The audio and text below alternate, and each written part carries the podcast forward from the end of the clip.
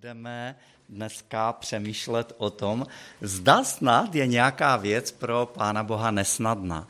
Je to přímá citace jednoho verše z Bible, ke kterému se hned záhy dostaneme, ale já poprosím kluky z techniky, kdyby eh, pustili teďka krátké video. Je to vlastně reklamní, takový reklamní shot.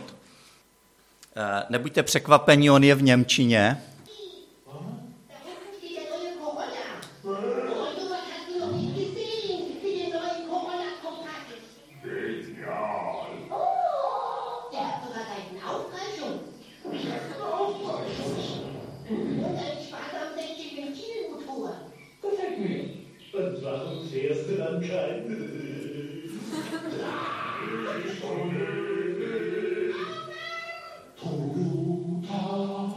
Nic není nemožné, Toyota. To byla reklama, stará reklama na Toyotu. Gorily říkají, nic není nemožné, jo? A pak vlastně to slovo Toyota. Tady to nic není nemožné se stalo reklamním sloganem číslo jedna všech dob v Německu. Nichts ist unmöglich. Nic není nemožné. A přitom každý ví, že to není pravda, že prostě ani Toyota neudělá to, co je nemožné. I Toyota má své limity toho, co je možné. Nicméně lidem se asi líbí to, že nejsou nějaké limity možného a proto oceňují tady tenhle slogan. Nějak to souzní s našima emocema nebo s něčím takovým. A já fakt nejsem odborník na reklamní eh, spoty a přesto mám pro dnešní dopoledne takový smělý cíl a říkám to ze vší úctou. Chci udělat reklamu ne na produkt, ale na osobu, pro kterou opravdu není nic nemožného a pro kterou neplatí limity možného. Tou osobou je Bůh. Bůh je totiž jedinou osobou, která není omezená limity nemožného a možného a proto bych ho rád doporučil. Proto bych prostě udělal na něj rád reklamu. A to nejen vám tady v sále nebo vám doma, eh, kteří jste, či jinde než doma, kteří jste u nějakých chytrých eh, obrazovek a zařízení, ale i sám sobě, protože na to zapomínám. Eh, respektive to sice vím, ale v praxi, ruku na srdce, s tím až tolik úplně pořád nepočítám. Takže ten slogan, můj slogan zní, nic není nemožné, JHVH. Co to je to JHVH? To je to, jak je Bůh nazýván v hebrejské Bibli, ve starém zákoně. A oni tehdy nepoužívali, nebo oni nepoužívali e, samohlásky a vlastně je to boží jméno. A znamená jsem, který jsem. Nic není nemožné, je HVH. Není to sice moc chytlavé, je, chytlavější je ta Toyota, ale za to je to pravdivé. Tak, proč je to pravdivé? Proč si myslím, že je to pravdivé? Já teďka čtu knihu Genesis a Genesis znamená kniha počátků. A zde je několik důvodů, proč nic není pro Pána Boha nemožné. V, hned v první kapitole knihy Genesis čteme, že Bůh stvořil všechno. To znamená, že všechno má svůj počátek v něm. A navíc, že všechno stvořil svým slovem. To znamená tak, jak promluvil. Což ukazuje na to, že mluvení to nevyžaduje až tak extra nějaké úsilí, že? Takže vlastně Bůh promluvil a vznikl vesmír. A ze vší jeho složitostí a ohromností a jeho to stálo slovo, to, že promluvil. Ale k tomu se ještě dostaneme. Takže Bůh všechno stvořil. Za druhé, pro něho není nic nemožné, protože všecko má svůj počátek v něm. A Bůh je jediná neohraničená bytost, věčně existující bytost. A potom tedy ty hranice mezi možným a nemožným jsou určeny Bohem. On určil to, co je přirozené nebo možné a to, co je nemožné, nadpřirozené. A navzdory obecně přijaté teorii evoluce, eh, která říká, že všechno vzniklo náhodou, není v tom žádný řád, tak všechno na světě i ve vesmíru vykazuje známky záměru, známky plánu, známky designu a ne bezcílné náhody.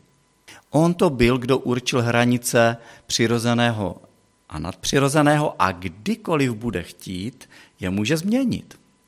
To pro něho absolutně není problém. Tak dovolte mi eh, ilustrovat, třeba v těchto podmínkách je nemožné pro člověka, aby z místa vyskočil do výšky 3 metrů. Jsou fotbalisté, kteří se dokáží prostě nějakým způsobem jako kdyby vyšroubovat až na, až na velice vysoko, aby dali tou hlavičkou gol, ale pro člověka za současných podmínek je nemožné a v, a v jeho schopnostech není, aby vyskočil z místa 3 metry. Ale pán Bůh to může změnit. Pán Bůh může způsobit, aby to nemožné bylo dosaženo nezrovna v téhle věci, ale v mnoha jiných a dalších věcech o tom máme záznam, že to Bůh udělal a dokonce i mnozí z, z nás by mohli dosvědčit, že něco podobného, co se zdálo být nemožné, dokonce zakusili ve svém životě. A pán Bůh v průběhu historie mnohokrát dokázal, že on je nad tím, nad vším, nad celým svým stvořením a že on koná zázraky, což vlastně, co je to zázrak? Zázrak je překročení hranice možného. A tak například v Matoušovi 17. kapitole ve verši 20 čteme o tom, že, že pán Bůh to dělá čas od času.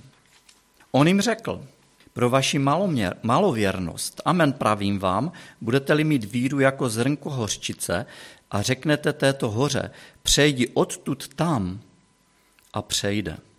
A nic vám nebude nemožné. Pán Bůh dokonce říká, že jeho následovníkům nic nebude nemožné, nejenže jemu, ale jeho následovníkům. A je pro nás nemyslitelné prostě říct hoře, přemísti se na jiné místo.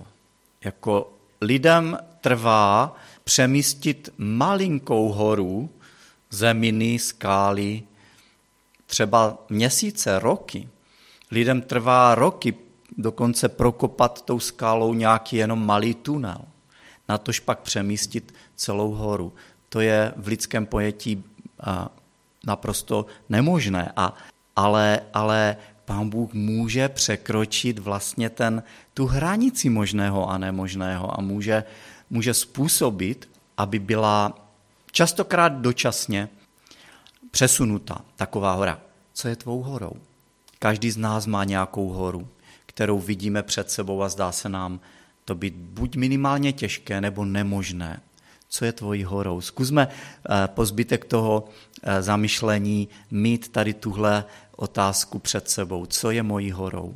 To byla druhá věc, že pán Bůh nejenom, že všecko stvořil, tedy má v něm všechno svůj počátek, ale také on stvořil hranice možného a nemožného a může to kdykoliv změnit. Ale zároveň, když čtu Genesis, tak spolu s jeho obrovskou mocí tam čtu o jeho lásce, která je podstatou božího charakteru. Bible líčí Boha, nejenom kniha Genesis, ale celá Bible, jako Boha dobrého, jako Boha spravedlivého, jako toho, kdo je trpělivý s člověkem. Jako Boha, který je soucitný, který je stoprocentně férový. A také jako Boha, který touží mít blízkost s člověkem.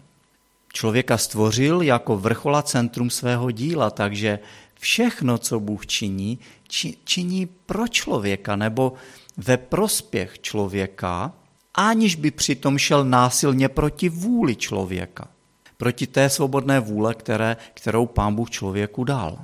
A někdy dokonce pán Bůh jedná v té své lásce, že dokoná své záměry navzdory tomu, že člověk se proti němu vzbouřil. Člověk se rozhodl stát totiž na Bohu nezávislým, použil tu svobodnou vůli a stal se nezávislým a chtěl jít vlastní, vydal se na vlastní cestu, což se svými důsledky obrátilo se proti němu, proti nám se to obrátilo v konečném důsledku. Takže pán Bůh sice může všecko, ale dělá to v souladu se svým charakterem. A výchozím nastavením Pána Boha vůči člověku je láska. Takže nic není nemožné pro Pána Boha. A teď se dostáváme k verši, nad kterým jsem se musel zastavit. Taky je z knihy Genesis, ale o něco dál, a to v 18. kapitole. Je to 14. verš a já vám ho přečtu. Genesis 18.14, kde je řečeno, je snad nějaká věc pro hospodina nesnadná? V určený čas se k tobě vrátím, na přes rok o tomto čase a Sára bude mít syna. Je snad nějaká věc pro hospodina nesnadná, pro pána Boha nesnadná? Pro pána Boha nejenom, že nic není nemožné, pro pána Boha také nic není nesnadné. Nebylo pro něj nesnadné z ničeho stvořit vesmír a zemi se vším, co je na ní. Stačilo k tomu, aby promluvil, stačilo k tomu jeho slovo a stalo se. Nebylo to tak, že pán Bůh prostě úplně na pokraji svých sil, po pekelném soustředění, po zhromažďování, prostě po miliardy let, co zhromažďoval zdroje a nekonečné přípravy a výpočty, po té, co proběhly tisíce školení andělů, tak jako a nakonec ještě proběhly desítky a stovky zkoušek, jo, pokus omyl, pokusů, tak jako například, tak tuhle konstantu musíme o tři miliontiny změnit, jinak to nebude fungovat. Takže tak to absolutně nebylo. Pán Bůh řekl, buď země, buď slunce, buď hvězdy. A, a stalo se. Nestálo ho to žádné takové úsilí, jaké jsem právě popsal. Nebylo pro něj nesnadné ani stvořit člověka, i když ho absolutně k ničemu nepotřeboval, a umístit ho do ideálních podmínek, dát mu roli odrážející jeho hodnotu a důstojnost, kterou mu dal, a zajistit jeho rozmnožení po celé zemi. A také pro něho nebylo obtížné, když ehm, se, když se to zvrhlo, když vlastně eh, je, je psáno, že všechny záměry většiny lino, všech lidí byly jenom zlé. Tak soudit tenhle svět, a, ale zachránit jednu rodinu, Noého rodinu, aby, aby založil nový rod, nový lidský rod, právě prostřednictvím této rodiny. A ro, opět rozšířit tady tento nový rod po celé, do všech koutů světa. A teď se vlastně dostáváme ke kontextu toho verše, který jsem přečetl, že pro Pána Boha není eh, žádná věc nesnadná. Kontext Genesis 18.14 je ten, že Bůh promluvil k jednomu člověku Abrahamovi z dvojříčí, z kaldejského Uru, mezi Eufratem a Tigridem, aby odešel ze své země a nevěděl sice kam, ale, ale že on mu ho povede. Byl to Abraham. A to také běžně pán Bůh nedělá, že by takhle přímo promluvil k člověku. A u Abrahama se to stalo, on překročil tu hranici možného a, a vlastně řekl mu, že si ho vyvolil a že se rozhodl mu požehnat a že skrze něho vzejde národ a skrze tenhle národ bude požehnán, budou požehnány všechny ostatní národy na světě. Musí ale odejít, i když nevěděl, eh, Abraham nevěděl kam. A Abraham šel. Šel s celou svojí rodinou, vzal sebou i služebníky a svá stáda, to znamená veškerý svůj majetek, a došel do kenánské země a Bůh mu řekl, tady to je. Tady do této země tě povolávám, ale zatím ti ji nedávám. Zatím seš tady jenom host. Budeš tady přebývat v přechodných příbytcích jako kočovník ve stanech. Ale jednoho dne budeš mít dítě, potomka, a díky němu já dám vzniknout celému národu a díky tomuto národu já požehnám všechny ostatní národy na zemi. A Bůh ho ujišťoval znovu a znovu, že bude mít potomka se svojí ženou Sárou jenomže oni nemohli mít děti. Abraham se Sárou eh, se jim nedařilo otěhotně dá a Bůh ho neustále znovu ujišťoval, dám vám syna, dám vám potomka. Jenomže ono taky došlo k tomu, že přestali už fungovat jejich reprodukční orgány. Byli natolik staří, že to e, přestalo být možné. A Bůh ho i v tomhle okamžiku znovu ujišťuje. V 17. kapitole, o kapitolu dřív, v 15. verši, čtem, Potom Bůh řekl Abrahamovi, ohledně tvé ženy Sáraj, nebudeš ji nazývat Sáraj, ale její, měst, ale její jméno bude Sára. Požehnám jí a také z ní ti dám syna. Požehnám jí a budou z ní národy. Budou z ní králové národů. Abraham pal na, kole, na tvář a smál se.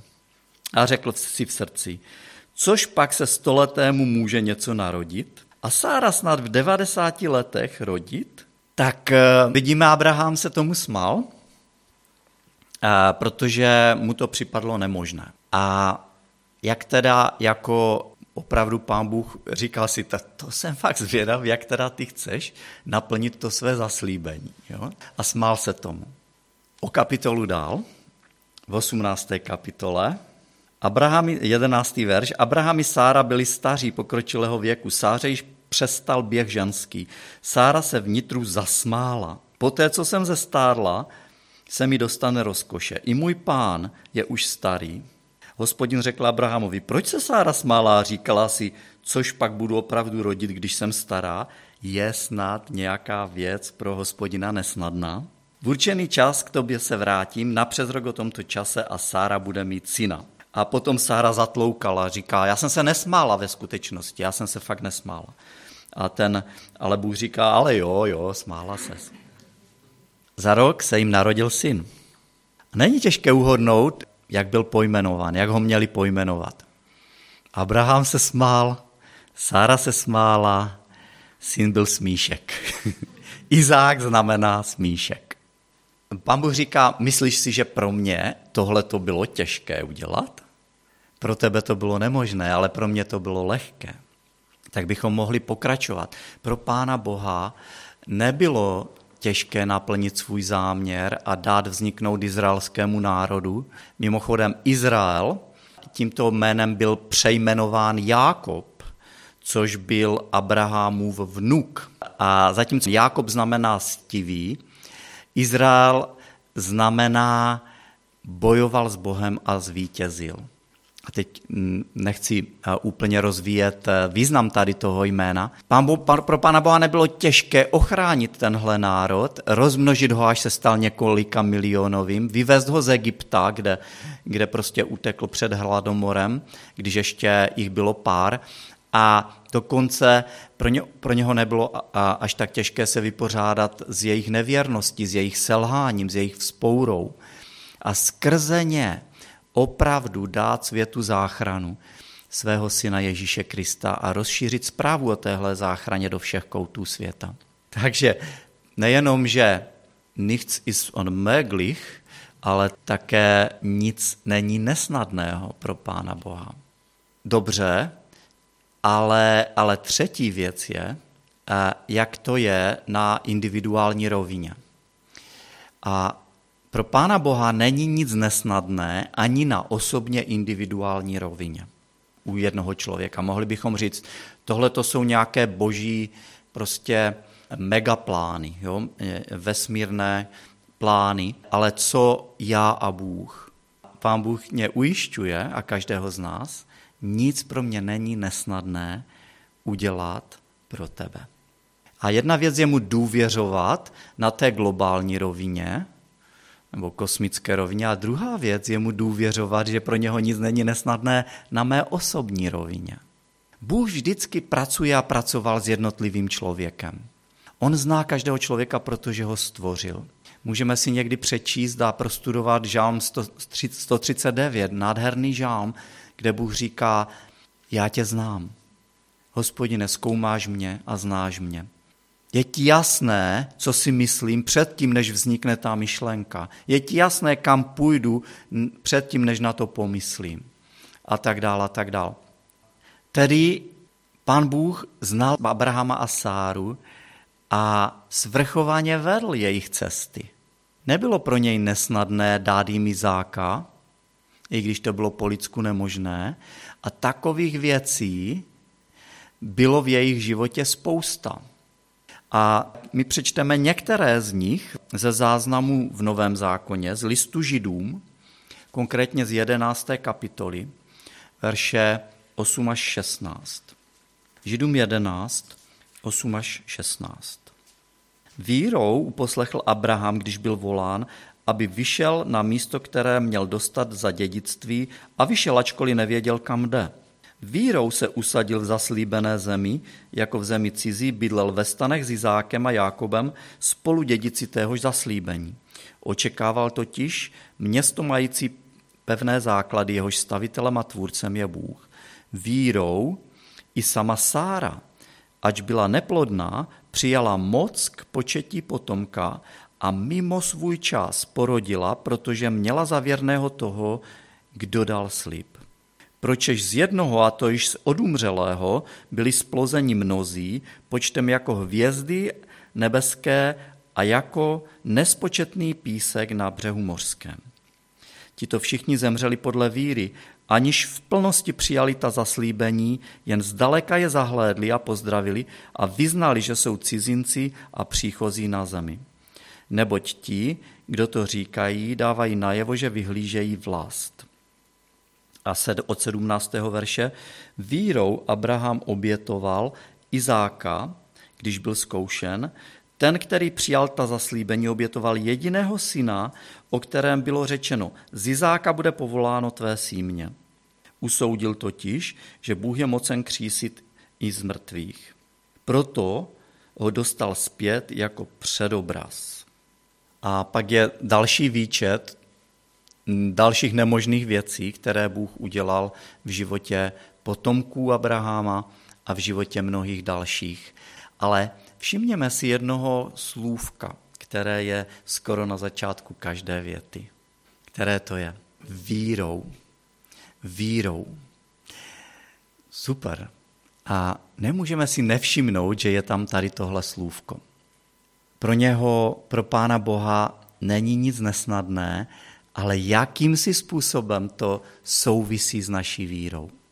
Každý z nás máme minimálně v naší hlavě seznam věcí, které pokládáme za obtížné, nesnadné, nebo komplikované, nebo dokonce možná nemožné. Já to mám taky tak. Jaký je tvůj seznam obtížných věcí? Určitě tam patří i ta hora, o které jsme mluvili na začátku. Tak třeba u mě na tom seznamu je určitý zvyk, kterého je pro mě těžké se zbavit.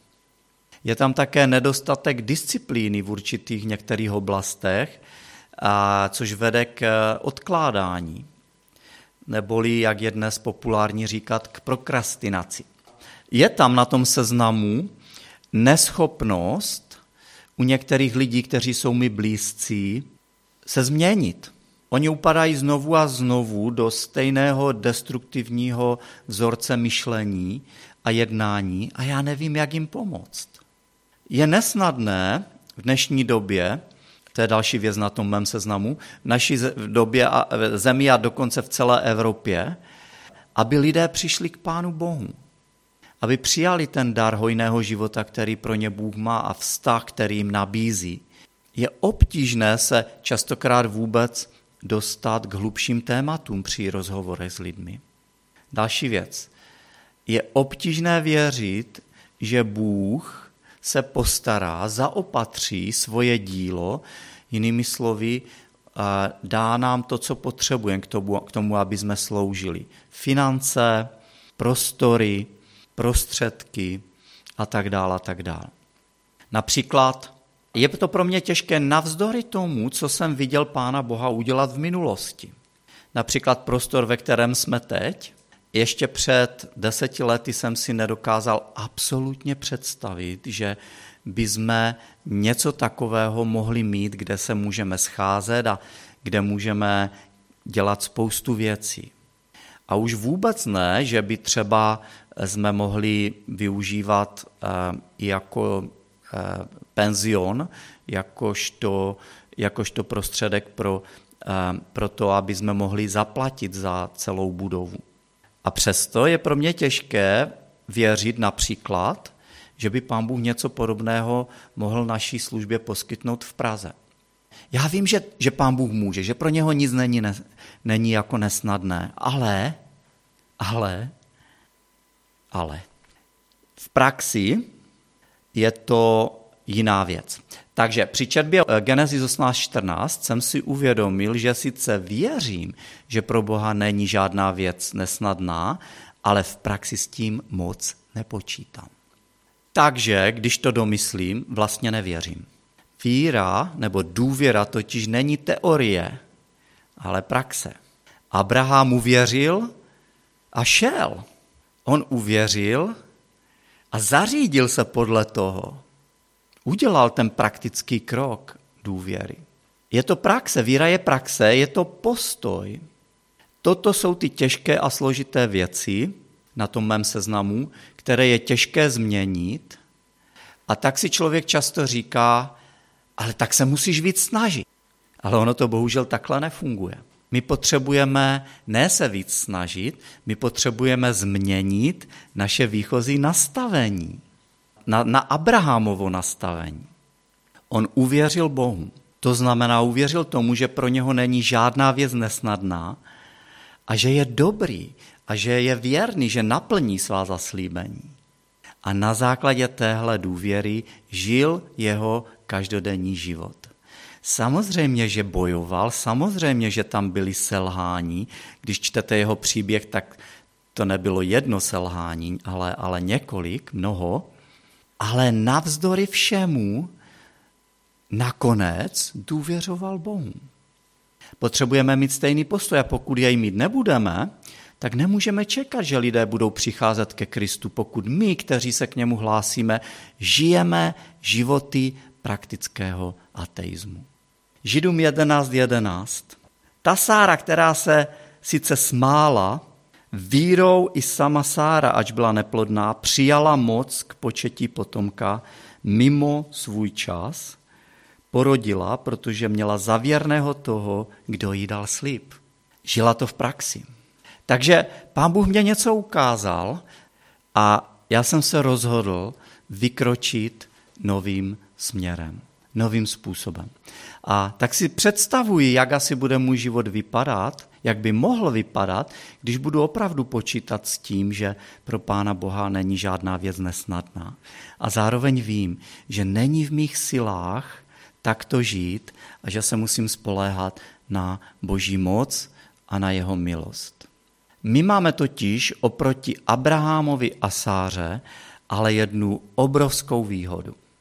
Eh, ve 13. verši Tito všichni zemřeli, to znamená Abraham, Sára a ostatní, co jsou tam jmenováni, aniž v plnosti přijali ta zaslíbení, jen zdaleka je zahlédli a pozdravili a vyznali, že jsou cizinci a příchozí na zemi. Oni nezakusili opravdu naplnění těch zaslíbení, které Bůh dal. Jenom je zahlédli, vyznávajíc, že jsou jenom cizinci na téhle zemi. A to mě vede Eh, k jiné pasáži v Novém zákoně, a to konkrétně v Matoušově evangeliu, 19. kapitola, verš 26. Ježíš na ně pohleděl a řekl jim, u lidí je to nemožné, ale u Boha je možné všechno. Opět, žádný verš nic neznamená bez kontextu. Co je kontextem tohoto verše? Ježíš předtím říká, že snáze je projít velbloudovi uchem jehly, než to, aby bohatý vešel do božího království. Ne, že je to nesnadné, ale je to nemožné. Zrovna tak, jako je v lidském přirozeném způsobu přemýšlení nemožné, aby kdokoliv vešel do božího království. Ježíš právě řekl svým učedníkům, že i ti, kteří byli lidmi v té kultuře pokládání za Bohem požehnaní, to znamená bohatí, nejsou schopni sami vejít do Božího království, což je šokovalo. A řekli, kdo potom, když ne oni, může vejít do Božího království. A Ježíš pak prohlašuje tady tenhle, tady tenhle výrok. U lidí je to nemožné, ale u Boha je možné všechno. Nic není nemožné pro něho. Tohle je vlastně to, podle mého názoru, posunutí hranice možného na nejzasší možnou mez. Posunutí pán Bůh posunuje to, co je možné a nemožné, na nejzaší možnou hranici. Možná nám to tak nepřipadne. Možná nám připadne, že, že proměnit vodu ve víno bylo značné posunutí té hranice, nebo uzdravení slepého od narození, nebo skříšení mrtvého a pohřbeného člověka je posunutí té hranice možného a nemožného, nebo utišení bouře a tak dále a tak dále. Myslím, že ne. Myslím, že největší posun té hranice je právě zde. Pán Bůh udělal to, co bylo pro člověka nemožné, a to je, že mu umožnil přijít k němu, přijít do jeho království. To neznamená, že to pro pána Boha bylo snadné.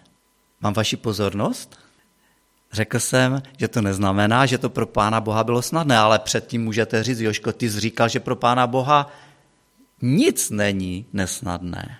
Ano, pro Pána Boha nic není nesnadné ve smyslu jeho kapacity cokoliv udělat, ale ne ve smyslu bolesti, s jakou Bůh některé věci konal a koná.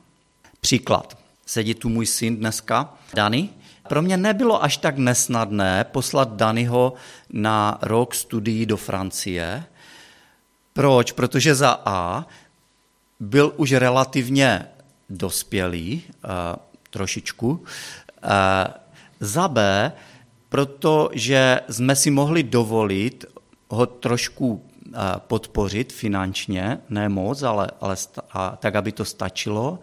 A proto, že Francie není až tak zase exotická či nebezpečná destinace.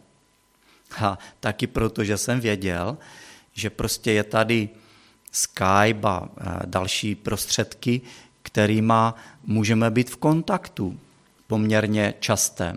Takže jako pro mě to bylo snadné ho tam poslat. Ale nebylo pro mě snadné se s ním rozloučit na letišti a prostě nemít ho rok na blízku. A já si myslím, že podobné, ale v nekonečně větší míře, to bylo pro Pána Boha, když se rozhodl poslat na zem svého syna.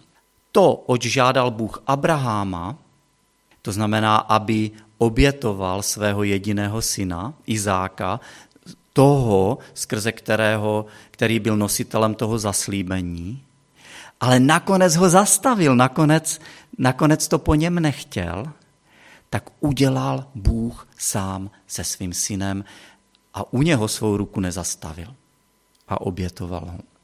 Pán Bůh totiž poslal na zem svého syna, aby žil životem, kterým my jsme měli žít a umřel smrti, kterou my jsme měli umřít.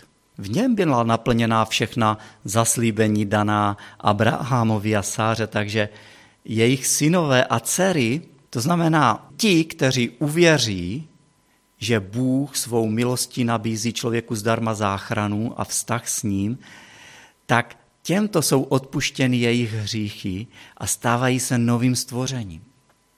A v jejich životech nyní žije Bůh, kterým dává sílu ke změně obtížných věcí, protože mají důvěru, že jejich otec, Bůh, pro toho není nic nemožné ani nic obtížné, co by mohlo udělat.